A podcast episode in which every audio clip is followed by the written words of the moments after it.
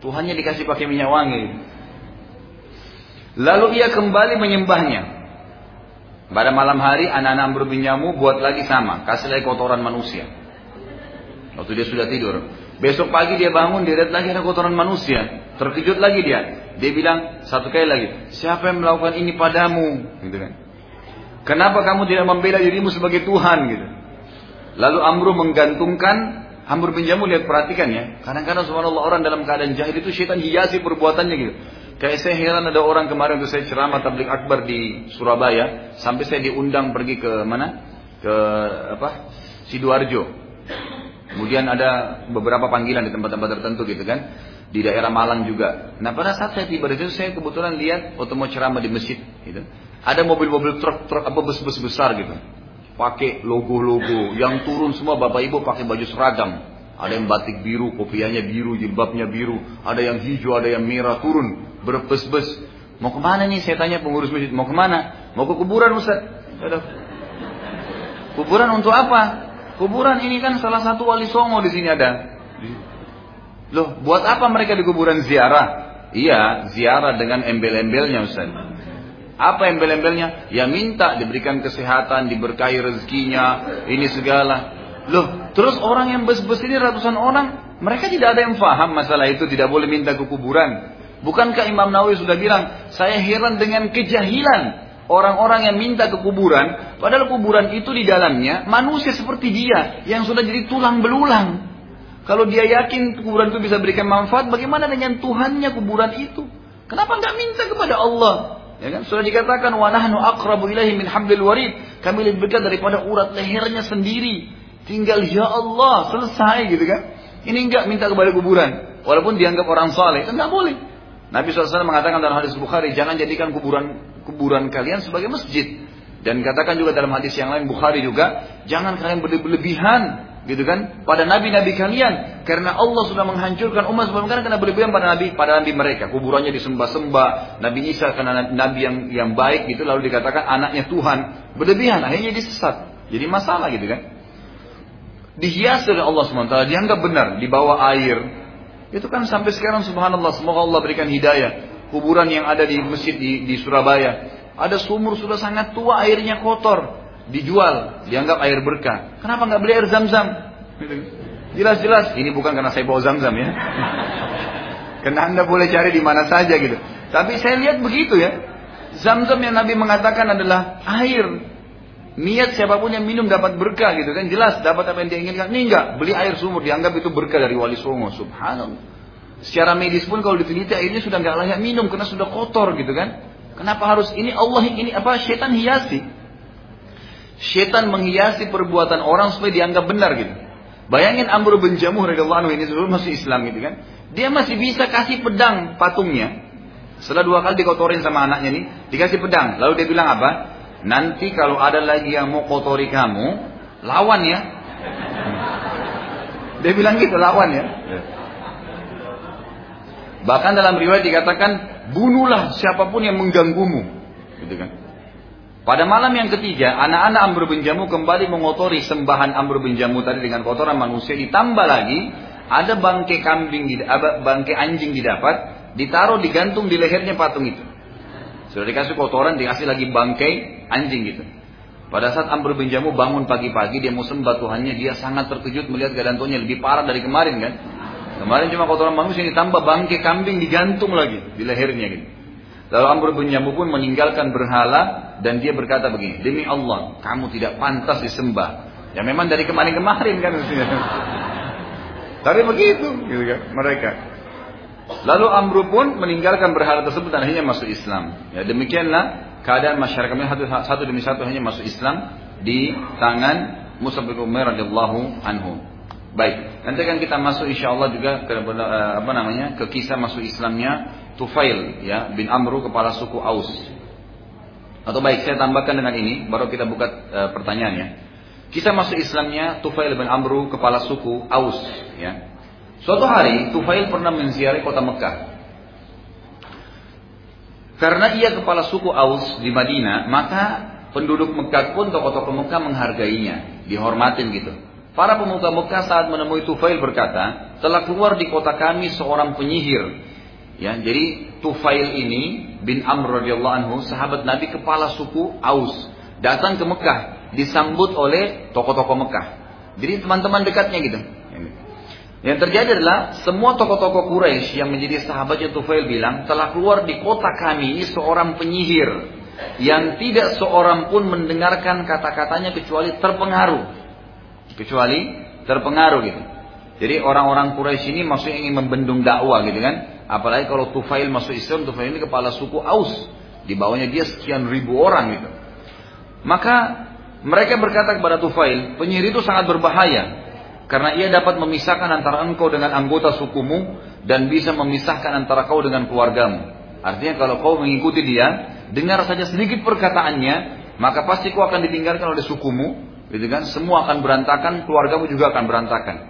Tufail bilang radhiyallahu anhu, mereka terus menakut-nakutiku, menakut-nakutiku sampai aku meng menggunakan penutup kuping karena takut disihir oleh Muhammad. Saat aku sedang tawaf, kata Tufail, aku melihat Muhammad, ya, Nabi Muhammad SAW, sedang duduk di depan Ka'bah dan membaca Al-Quran. Maka setiap kali aku tawaf, aku selalu melirik ke arahnya karena takut pada sihirnya. Tetapi tiba-tiba saja aku berkata pada diriku sendiri, wahai Tufail, sungguh engkau adalah orang yang cerdas dan dewasa. Kenapa selalu berperilaku bodoh seperti ini?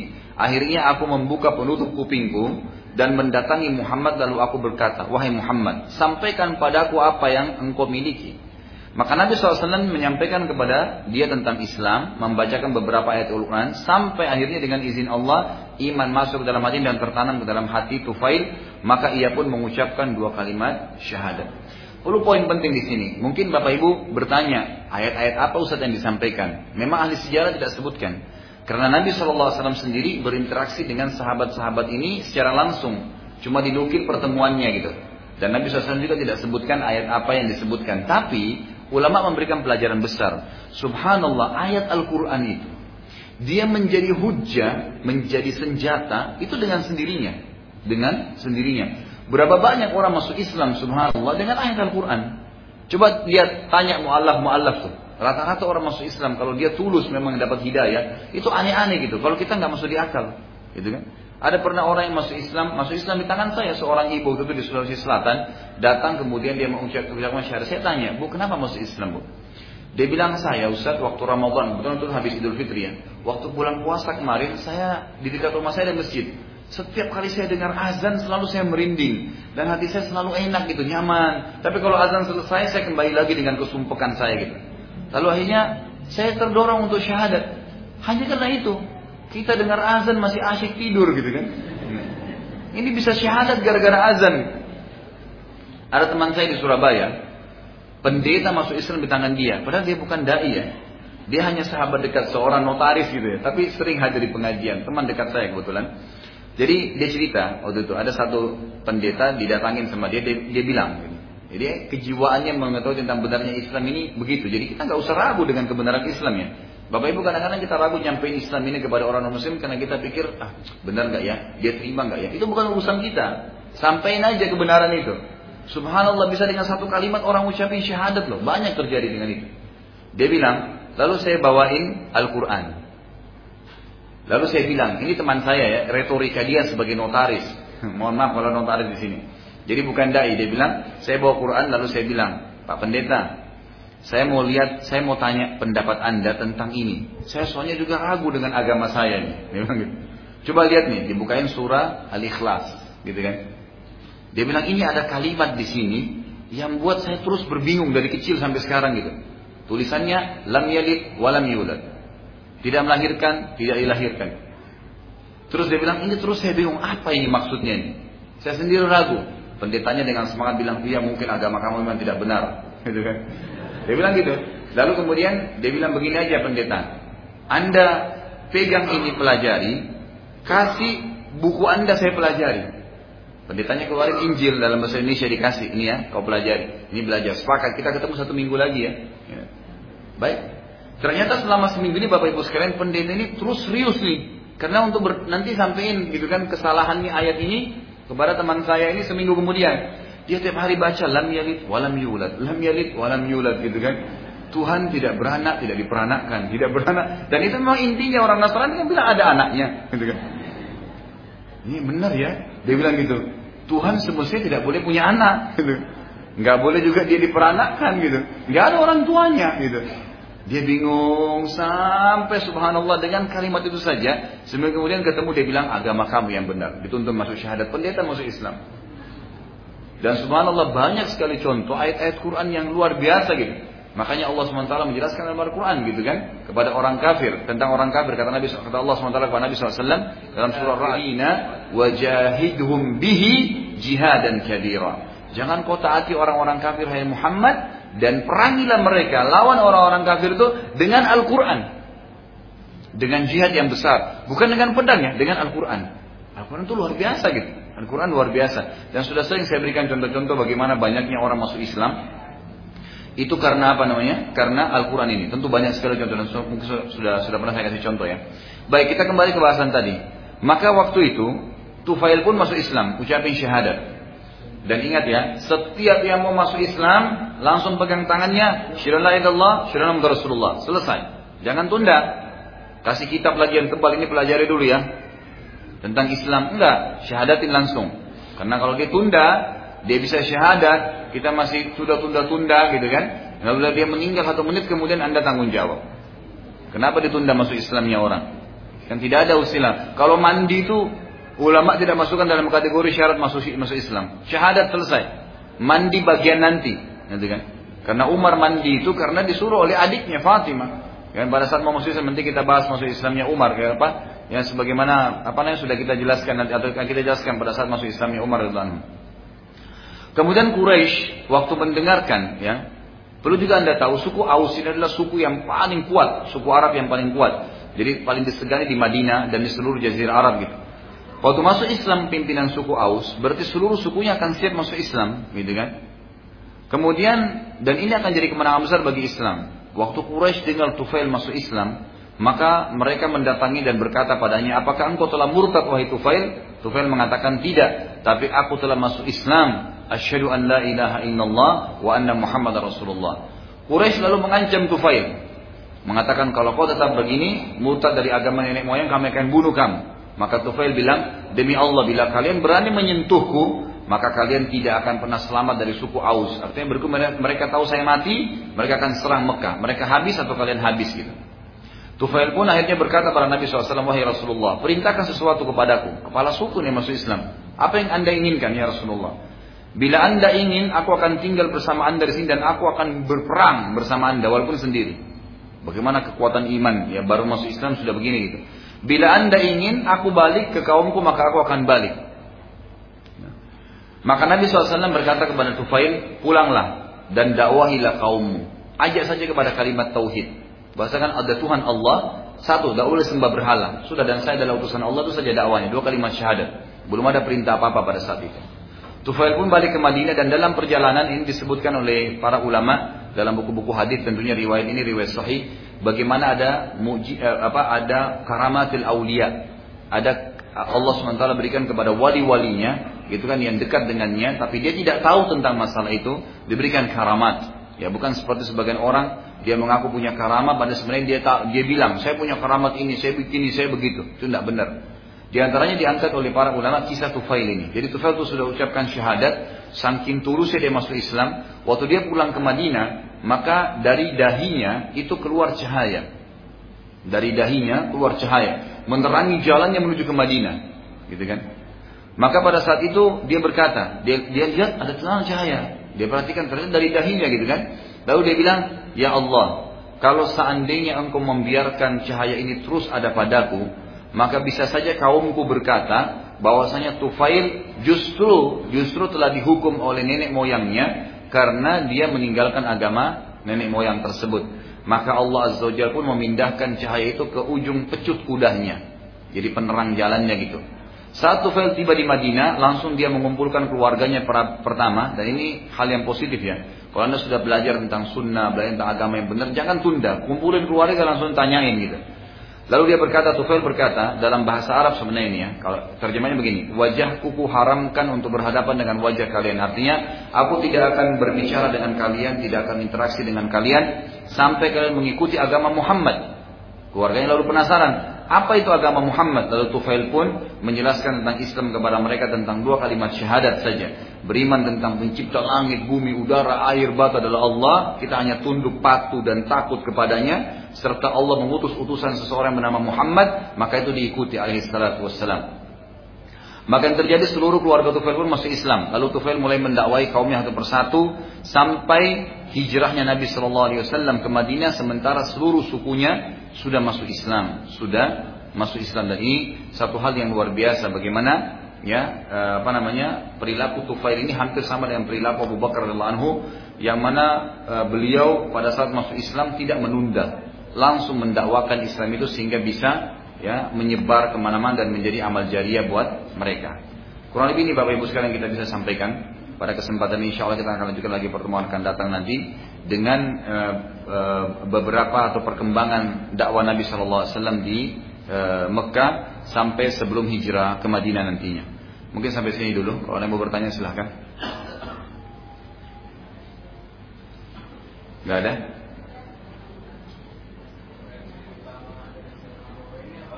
Apa itu? Referensi sirah. Banyak, cukup banyak referensi sirah ya. Uh, kalau tidak salah pernah juga saya tinggalkan kepada panitia tulisan saya ini nanti bisa diambil. Kalau mau pakai buku-buku banyak, seperti ada uh, buku tentang Sirah Nabawiyah yang diterbitin oleh banyak penerbit sih di Jakarta ya.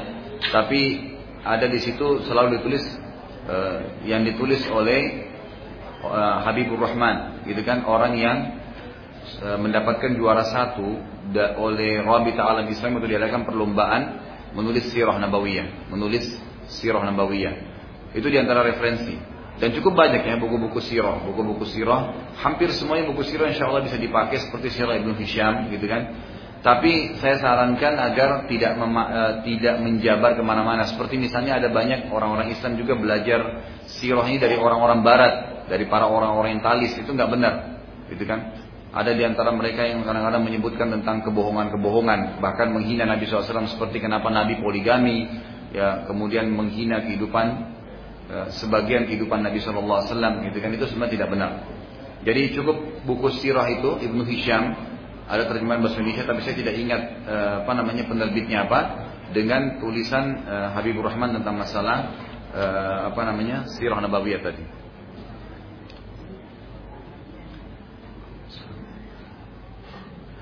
Ustaz saya ingin tahu bahwasanya uh, saya ingin tahu Islam itu terbagi 73 golongan. Satu golongan akan masuk surga dan 72 akan masuk neraka. Mohon dalilnya uh, hadis sahih atau tidak gitu. Ini sudah pernah kita jelaskan ya. Hadisnya sahih dan cukup banyak ini. Riwayatkan oleh ahli sunan, Al-Hakim dalam Mustadrak, Al-Baihaqi ya, dalam Sunan Al-Kubra menyebutkan semua riwayat ini bahwasanya Nabi SAW bersabda akan terpecah umat eh, Yahudi 71, Nasrani 72 dan umatku 73 dan semua akan neraka. Makna hadis, makna kalimat, tenang dulu. Makna kalimat yang mengatakan 73 umat 73 golongan dan semua akan masuk neraka. Artinya semua akan melintasi neraka tapi nanti masuk surga. Kecuali satu, yang masuk surga tanpa hisab, tanpa neraka. Nanti mereka langsung masuk. Jadi yang lainnya bukan berarti masuk neraka kekal, tidak. Dan ini menandakan bahwasanya kelompok-kelompok Islam itu karena mereka berbuat masalah seperti berbuat bid'ah misalnya, mereka masuk neraka dulu, gitu kan nantinya. Tapi tetap masuk surga, tetap masuk ke dalam surga. Karena memang ya kata sabda Nabi SAW yang mengatakan semua masuk neraka artinya semua akan lewat ke neraka kecuali satu yang masuk tanpa hisab tanpa neraka lagi gitu kan. Lalu sahabat bertanya siapa mereka? Kata Nabi SAW yaitu yang apa namanya e, e, yang yang mengikuti aku dan para sahabatku dan buku tadi yang saya bilang ini ya, yang mereka lah golongan yang selamat membahas panjang lebar tentang hadis itu Ustaz e, pada banyak kesempatan atau pada pertemuan waktu membuka acara selalu hadirin dianjurkan baca Al-Fatihah. Adakah hujahnya? Gak ada sama sekali. Ya sama sekali nggak ada. Jadi Nabi SAW tidak pernah membuka atau menyampaikan wahyu mengatakan Al-Fatihah. Nggak pernah itu. Al-Fatihah surah Al-Quran, surah yang paling agung. Tapi untuk dibaca di sholat, kan gitu. Itu benar, ada referensinya, ada hadisnya. gitu kan? Untuk dibaca pada saat mengobati orang yang kena sihir rukyah syariah, itu ada perintahnya. Tapi kalau Al-Fatihah dikirim untuk orang mati, dibaca pada saat pembukaan acara, butuh dalil, gitu kan? Mana dalilnya? Pernahkah Nabi SAW mengatakan Al-Fatihah kepada ahli Badr? Ada riwayatnya nggak? Nggak pernah. Lalu kenapa harus kita baca gitu kan? Sama di awal pertemuan, tapi yang ada hadisnya adalah kata Nabi SAW, semua kullu zi amrin la yubda'u bismillah fahuwa aqta. Dalam riwayat dikatakan kullu amrin zi balin la yubda bismillah wassalatu alayya fahuwa aqta. Kan gitu. Atau kama Nabi SAW. Jadi ada hadis dua. Yang pertama, semua perkara yang dimulai pertemuan, ya kan gitu, apa saja yang tidak dimulai dengan nama Allah, maka akan akta hilang berkahnya. Dan semua perkara dalam riwayat lain yang tidak dimulai dengan e, nama Allah dan membaca salawat kepadaku, maka akan hilang berkahnya. Itu ada, itu ada riwayatnya. Tapi kalau membaca Al-Fatihah tidak ada. Itu tidak ada sama sekali. Makanya di sini bukan berarti sekali lagi kita menghinakan Al-Quran ya, atau menjatuhkan. Sering ada orang salah paham gitu. Oh berarti Ustaz ini larang baca Al-Fatihah. Bukan larang. Tempatkan pada tempatnya. Baca di sholat, kan gitu. Baca pada saat rukiah, itu yang ada. Tapi kalau yang lainnya memang tidak pernah. Bahkan habis sholat lima waktu pun tidak ada perintah untuk membaca. Tidak masuk dalam zikir sholat itu baca Al-Fatihah. Yang ada baca ayat kursi, Al-Ikhlas, Al-Falaq, An-Nas. Jadi tempatkan itu pada tempatnya semua. Jadi benar. Mohon penjelasannya bagaimana pandangan dalam syariat Islam jika kita selalu datang ziarah ke makam keluarga, istri, suami, anak untuk membersihkan lokasi. Kalau ziarah keluarga, tidak masalah. Bukan cuma ziarah keluarga, ya. ziarah siapa saja, ziarah kuburan. Ziarah kuburan kaum muslimin itu sunnah. Kata Nabi SAW dalam hadis yang sahih, "Kuntu nahaitukum an ziarah kubur fasuruha, fa akhirah." Dulu di Mekah kata Nabi, saya larang kalian ziarah. Nas'alullah lana wa lakum wal afiyah. Keselamatan bagi kalian wahai penghuni kuburan orang beriman dan orang muslim, ya. Sesungguhnya kalian telah mendahului kami dan kami meminta keselamatan untuk kami dan untuk kalian. Itu memang ada perintahnya. Itu memang ada perintahnya. Tapi yang lain tidak ada, ya. Jadi ini sebatas itu saja gitu, sebatas itu saja. Kalau misalnya kita datang membersihkan, apalagi kalau ada kerabat ya, misalnya orang tua, orang tua itu kalau sudah meninggal, berarti bentuk bakti kita adalah menziarahi kuburannya kata ulama, mendoakan selamati, beristighfar kepada Allah untuk mereka. Yang ada perintahnya semua kita kerjakan, bersedekah untuk mereka haji dan umroh, termasuk ziarah kubur, termasuk ziarah kubur. Juga perlu Bapak Ibu tahu, ziarah kubur itu ulama rincikan, boleh termasuk ziarah kubur kita datang ke depan kuburannya, boleh juga tidak. Terutama bagi perempuan muslimah ya.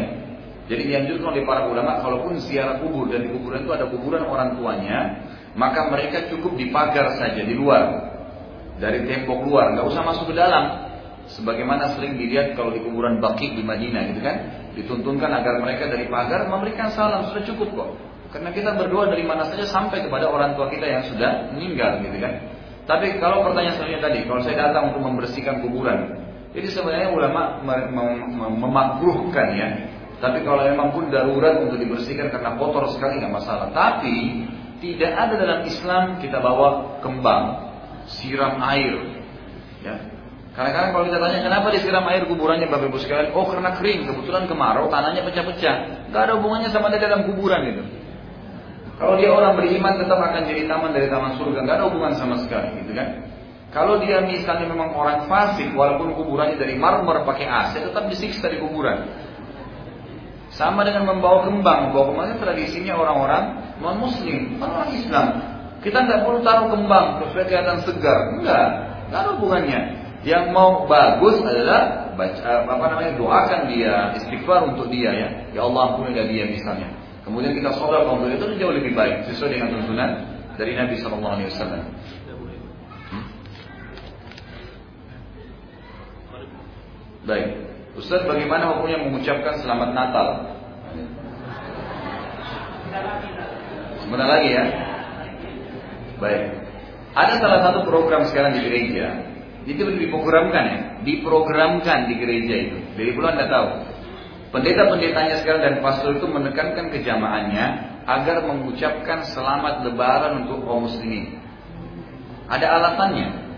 Bahkan di gereja dipasang spanduk selamat Idul Fitri supaya umat Islam melakukan hal yang sama. Ingat, mereka mengucapkan selamat pada kita, artinya memberikan dukungan terhadap agama kita, itu nggak ada masalah. Tapi kita nggak boleh memberikan dukungan agama mereka. Kenapa? Jelas. Sabda Nabi Shallallahu Alaihi kalau ahli kitab sedang merayakan hari raya mereka atau sedang berada di tempat ibadah mereka, jauhilah karena laknat Allah sedang turun pada mereka. Hadis sahih riwayat Abu Daud, riwayat Imam Ahmad juga. Ini nggak boleh memang. Jadi nggak boleh kita ucapin karena itu memberikan dukungan. Tidak boleh datang, apalagi kalau datang, gitu kan? Itu tidak boleh. Lalu anda bilang mungkin, Ustaz, bagaimana caranya ya? Itu kalau atasan saya, itu kalau kerabat saya, itu tetangga saya, saudaraku. Anda Muslim dan anda harus yakin tentang kebenaran Islami dan kita harus tunjukkan prinsip dasar. Mana boleh, mana nggak boleh. Bukan kita toleransi tinggalin agama kita karena keyakinannya orang lain nggak bisa. Maaf ya, dihidangkan babi. Gak bisa, agama saya haramin, saya gak akan makan. Emang gitu. Kan gitu. Kita tunjukin, jangan, oh karena gak enak, gak apa-apa deh, incipin dikit. Lo gak boleh haram gimana? Prinsip agama supaya orang tahu dan subhanallah semua orang yang berprinsip dalam agamanya itu Allah pasti Allah akan jaga dan orang akan segan dengan dia. Tunjukkan prinsip memang gak boleh, gitu kan? Pernah terjadi pertemuan antara seorang anak muda, dua orang anak muda, satu Nasrani, satu Muslim gitu. Yang anak muda Nasrani ini bilang, e, kenapa apa kenapa kau ini tidak kenapa kalian tidak mau ucapkan selamat Natal pada kami? Apa sebabnya gitu? Bukankah itu cuma kata-kata? Kata si Muslim, ditanya kembali, e, kenapa kau tidak syahadat? Lalu yang Nasrani bilang, e, ya, ya kalau saya syahadat saya tinggalkan agama saya berarti. Kata si Muslim, bukankah itu cuma kata-kata? Sama. Karena mengucapkan selamat itu dukungan, gitu kan? Hampir sama semuanya. Jadi memang itu prinsip dasar, maka sebaiknya jangan ditinggalkan saja gitu kan. Dan tunjukkan pada mereka, maaf saya tidak ucapin karena agama saya tidak membenarkan. Yang dibolehkan apa? Interaksi boleh bertetangga, boleh bisnis, kan gitu. Boleh menjenguk kalau dia sakit, boleh. Tapi kalau sudah mati, nggak boleh loh. Datang ke rumahnya, kalau mati ya, emang nggak boleh. Oh Ustaz bagaimana caranya kalau teman saya, kak, teman kalau saya tunjukin memang maaf saya nggak datang kalau sudah mati, karena dilarang nggak boleh. Sudah mati dalam keadaan kufur. Tapi kalau masih sakit boleh. Dia masih hidup, dia butuh bantuan, bantu nggak masalah. Saya pernah ditanya oleh jemaah saya Ustaz waktu di Jogja terjadi gempa. Mayoritas kampung yang kena gempa itu mayoritas Nasrani. Boleh nggak Ustaz kita nyumbang untuk perbaiki rumah mereka? Boleh, nggak masalah. Nyumbang perbaiki rumah, fasilitas umum boleh. Jangan bangun tempat ibadahnya ya. Nggak boleh bangun gereja. Tapi kalau bantu rumahnya, ya kita perbaiki jalannya, sumur, nggak masalah. Mungkin bisa menjadi dakwah buat mereka. Dan terbukti memang begitu. Waktu LSM Muslim banyak masuk ke Jogja kemarin, akhirnya banyak masuk Islam. Gara-gara perbuatan muamalah yang baik itu. Tapi tidak mendukung akidah mereka. Tidak mendukung akidah, bukan nyumbang untuk bangun tempat ibadah, nyembarin bukunya atau apa saja. Jadi sebagai dihindari memang. Bagaimana Nabi SAW memperhatikan suku di seluruh jazirah Arab? Saat itu banyak golongan Islam, ada yang mengusung khilafah, apakah dakwah Nabi dakwah Nabi dakwah tauhid atau membuat khilafah? Bagaimana interaksi dengan saudara yang bergolong-golongan ketika didakwai dakwah tauhid, malah menolak karena akan merusak silaturahim? Sebenarnya tidak ada di zaman Nabi SAW khilafah. Nggak ada khilafah di zaman Nabi SAW. Khilafah itu diistilahkan oleh para ulama adalah khilafah penerus ya. Penerus kepemimpinan Nabi SAW makanya yang memimpin dia makan khalifah. Khalifah Rasulullah ya. Pengganti penerus Nabi SAW jadi tidak ada zaman Nabi SAW khilafah nggak ada. Nabi dikatakan adalah masa keemasan kenabian masa nabawiyah atau nubuah itu ada di zaman Nabi SAW Baik, bagaimana Nabi SAW mempersatukan mereka dengan ilmu? Nabi SAW hanya menyatukan mereka dengan ilmu dari wahyu. Hadir di pengajian, Nabi SAW sampaikan wahyu, mana haram, mana halal, bagaimana mengenal Allah, bagaimana berhubungan dengan Allah, selesai. Kita disampaikan ilmunya. Dan ilmu itu sangat luas ya, ilmu tauhid ya, tentang masalah akidah dijelaskan, itu ayat-ayat Al-Quran turun. Jadi itu yang dijelaskan oleh Nabi SAW. Tidak ada kecuali dengan ilmu, nggak ada yang lain gitu. Makanya Nabi SAW sangat menyambut sahabat-sahabat yang datang untuk belajar. Ya, setiap ada sahabat yang datang mau belajar ilmu agama, beliau mengatakan, Hanihan, ya selamat datang, ya tullabul ilm. wahai penuntut para ilmu. Sampai beliau menyiapkan sebuah tempat di belakang rumah beliau dikenal dengan sufa ukuran 5 kali 5 meter khusus untuk orang-orang yang menuntut ilmu gitu kan. Jadi wahyu turun beliau keluar langsung menyampaikan kepada para sahabat ini. Bayangkan saja kalau dalam dua jam atau kita duduk di sini menyampaikan cuma beberapa hadis, cuma tentang sejarah Nabi saja. Kita sudah merasa iman kita bertambah kan? Bagaimana kalau kita berhadapan dengan Nabi Shallallahu Alaihi Wasallam? Gitu kan? Belum menyampaikan ayat yang turun, belum menyampaikan tentang wahyu yang turun kepada beliau, maka tentu Nabi tersentuh, otomatis gitu kan? Jadi ilmu.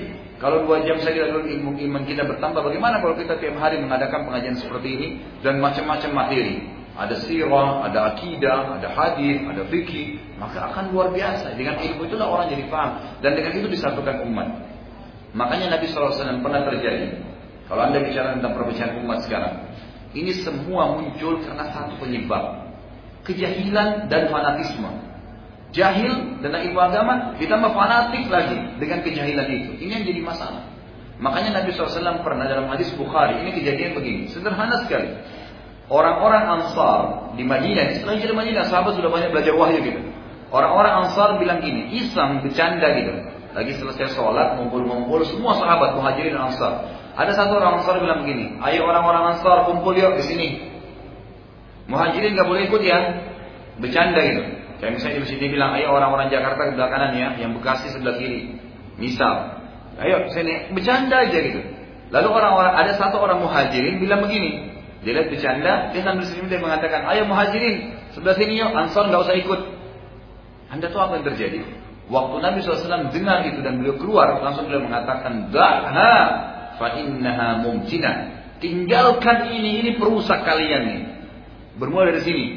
Ingat, dalam Islam tidak ada batas negara, nggak ada batas suku, nggak ada batas jabatan, nggak ada batas fisik.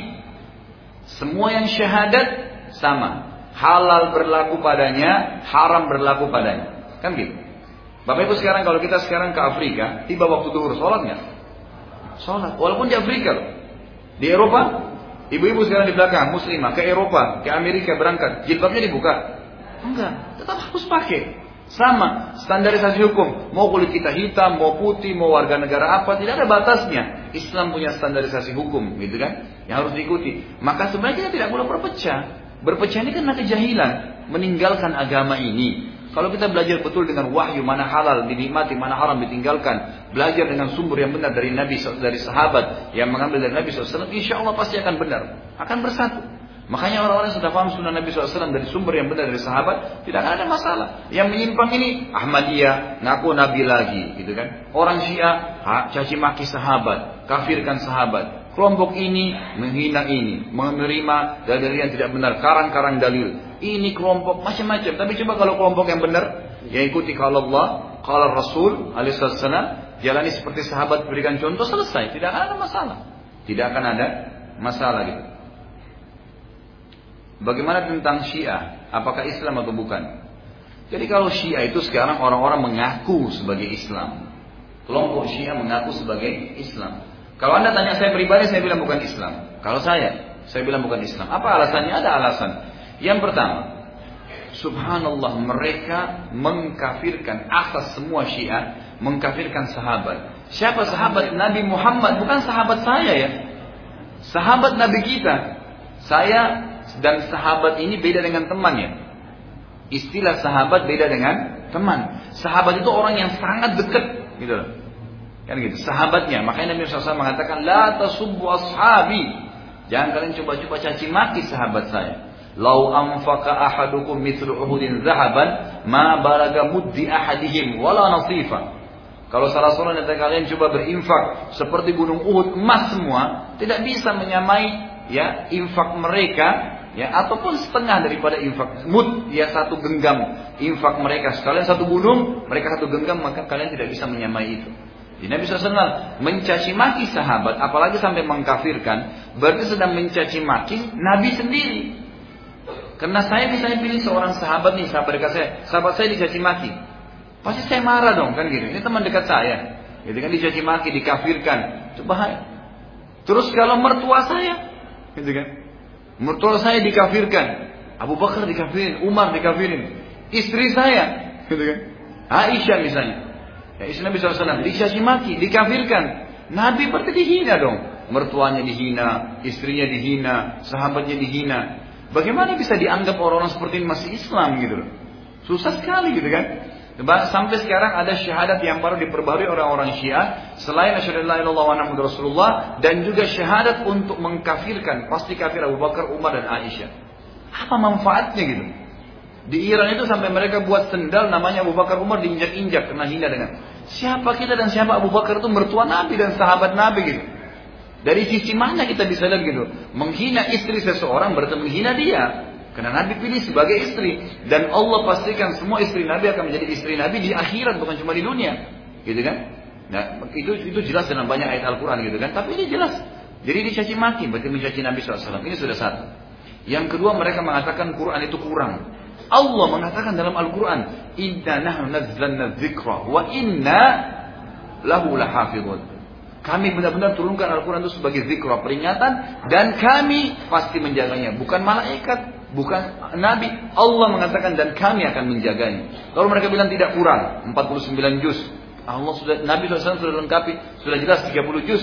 Ibnu Katsir mengatakan tidak turun firman Allah al-yawma akmaltu lakum dinakum sampai akhir. Hari aku sempurnakan agama kalian sampai akhir. Al-Maidah ayat 3. Kecuali kata Ibnu Katsir Nabi SAW sudah menyampaikan semua amanahnya Allah. Enggak lagi tulisan la ayat atau hukum halal haram. Semua sudah jelaskan. Yang hitam yang putih yang yang tidak jelas sama-sama yang jelas semua sudah jelaskan Nabi SAW. Jadi kalau ada orang mengatakan Quran itu masih kurang berarti dia menghina Allah Subhanahu Wa Taala. Kitabnya sudah dilengkapkan. Nabi SAW tidak meninggal pun sudah menyampaikan amanah. Seakan-akan Nabi belum sampaikan amanah. Quran kurang ini gimana ini gitu kan sudah jelas kacau balau gitu kemudian yang parah lagi ya itu mereka menganggap Jibril berkhianat kalau salam itu selalu mereka tepuk pahanya mengatakan khanal amin, khanal amin. Telah berkhianat amin. Siapa itu amin? Jibril. Mestinya wahyu turun bukan kepada Muhammad tapi kepada Ali. Berarti seakan-akan ini terpaksa Nabi Muhammad terima wahyu mestinya untuk Ali. Subhanallah. Allah mengatakan dalam Al-Quran, firmannya kekal sampai hari kiamat. Nazala bihi ruhul amin. Allah turunkan dari langit kepada Muhammad SAW ruh amin. Ya, ruh yang terpercaya itu adalah Jibril. Mereka mengatakan tidak. Khanal amin. Telah berkhianat amin. Itu Jibril. Baru mereka salam. Subhanallah. Tanah Karbala. Ya. Di Irak yang matinya Husain radhiyallahu anhu. Kita umat ahli sunnah pun mengatakan Husain mati syahid yang membunuhnya zalim, gitu kan? Tapi mereka mengatakan lebih suci daripada Ka'bah, dari daripada tanah-tanah di Mekah. Ini menyimpang sekali gitu. Kalau saya pribadi sudah jelas bukan bagian dari Islam dan Anda jauhi, jangan belajar tentang Syiah. Sudah jelas sekali banyak indikasi yang menjauhkan dari agama ini. Ini saya kira saya mau disuruh pesan nasi padang ya. Kita pakai kertas nasi padang. Ya. Bagaimana dengan vaksin mengitis yang ada di apa ini? Dikatakan oleh Menteri Kesehatan, namun farmasi tidak bisa diberi label halal. Saya subhanallah ya, dan ini saya harus menyampaikan kebenaran gitu. Ya. Saya heran dengan adanya orang yang mengaku sebagai Islam, muslim gitu kan lalu menghalalkan segala macam cara gitu menganggap misalnya seperti statement sekarang keluar bahwasanya boleh minum obat karena ahli-ahlinya sendiri agama sudah mengatakan nggak masalah karena itu darurat dari mana bahasa obat itu minum darurat dari mana itu obat itu fasilitas untuk berobat iya untuk sembuh bukan darurat Kasus kita boleh memakan babi kalau darurat, ulama berikan contoh. Di padang pasir, nggak ada lagi makanan kecuali itu. Dan kita bisa mati kalau nggak makan. Bangke kah, babi kah, maka kita makan itu pun kata ulama, anda boleh kembali kepada semua buku tafsir, lukma au lukmatain. Satu potong atau dua potong maksimal yang bisa membuat kita tidak mati kelaparan. Bukan makan santap, gitu kan yang banyak. Enggak. Dalam keadaan darurat. Dari mana obat itu jadi darurat gitu? maka boleh babi pun jadi halal. Dari mana? Dan anehnya ini bukan bukan ulama yang memberikan fatwa, tapi orang yang tidak paham agama. Nih. Mau lagi disebarin masalah kemarin alhamdulillah dibatalin masalah kondom dibagi-bagi. Subhanallah. Mau menyebarin silahkan gitu kan. Anda tahu berapa anggarannya? 28 miliar. Urusan kondomnya untung 28 miliar itu kalau di kemarin berhasil programnya. Karena masalah duit disebarkan di tengah-tengah masyarakat supaya mereka selesaikan masalah ini. Subhanallah. Kenapa nggak pakai anggaran itu untuk nikahkan orang? Kenapa nggak panggil anak muda ayo daripada kumpul kebun nikah, dinikahin oleh pemerintah resmi, panggil orang tuanya, biayai. Itu benar gitu kan. Apalagi membawa nama agama Islam, nggak boleh, subhanallah, gitu kan. Nggak boleh haram. Dan saya sudah ingatkan sampai masalah, gitu kan. Sampai masalah agama pun, ya sampai masalah, ya apa namanya, eh, perintah-perintah agama pun tidak boleh dianggap remeh dan Muslim tidak boleh tinggal diam harus diingatkan gitu kan yang salah salah yang benar-benar gitu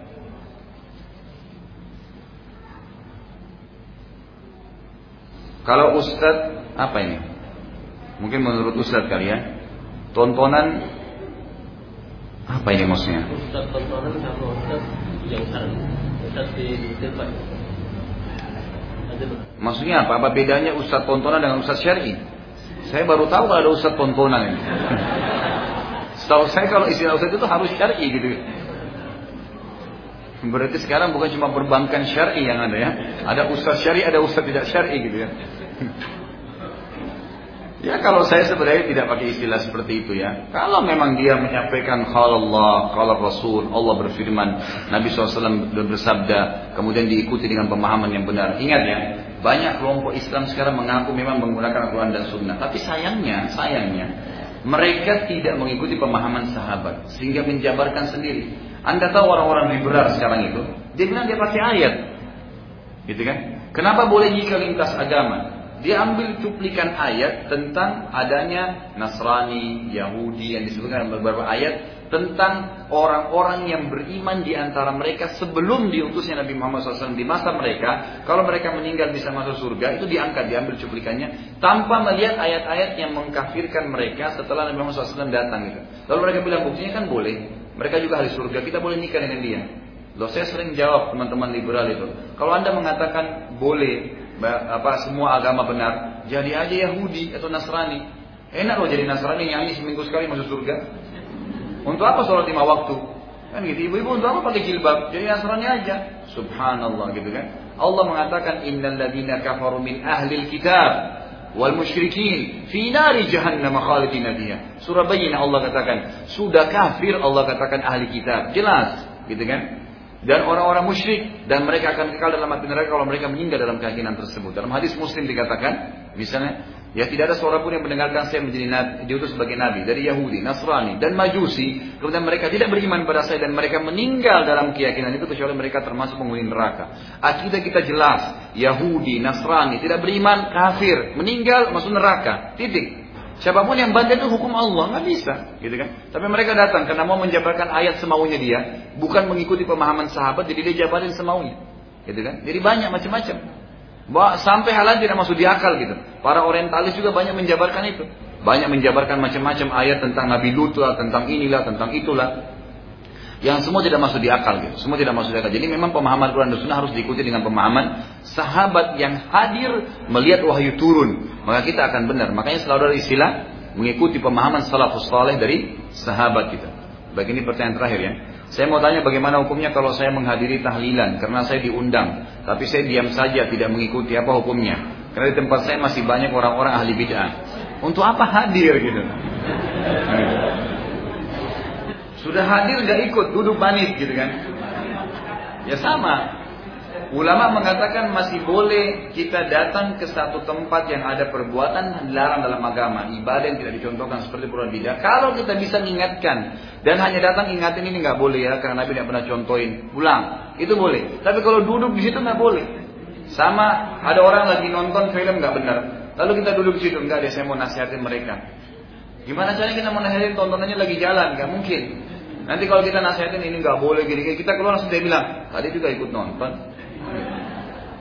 Datang maaf ya itu nggak boleh dalam Islam dilarang haram gini gini tinggalin. Nggak usah pusing dengan hidayah hidayah di tangan Allah bukan kita. Kan tidak mungkin kan gitu. Jadi walaupun kita mau nggak mungkin kita bisa memberikan hidayah kepada siapa pun. Allah a'lam. Mungkin sampai situ dulu karena saya ada pengajian lagi juga. Saya harus lanjutkan lagi di Tebet. Kalau ada benar dari Allah, kalau ada salah dari saya mohon dimaafkan. Subhanakallahumma bihamdika asyhadu an la ilaha illa anta astaghfiruka wa atubu ilaik. Wassalamualaikum warahmatullahi wabarakatuh.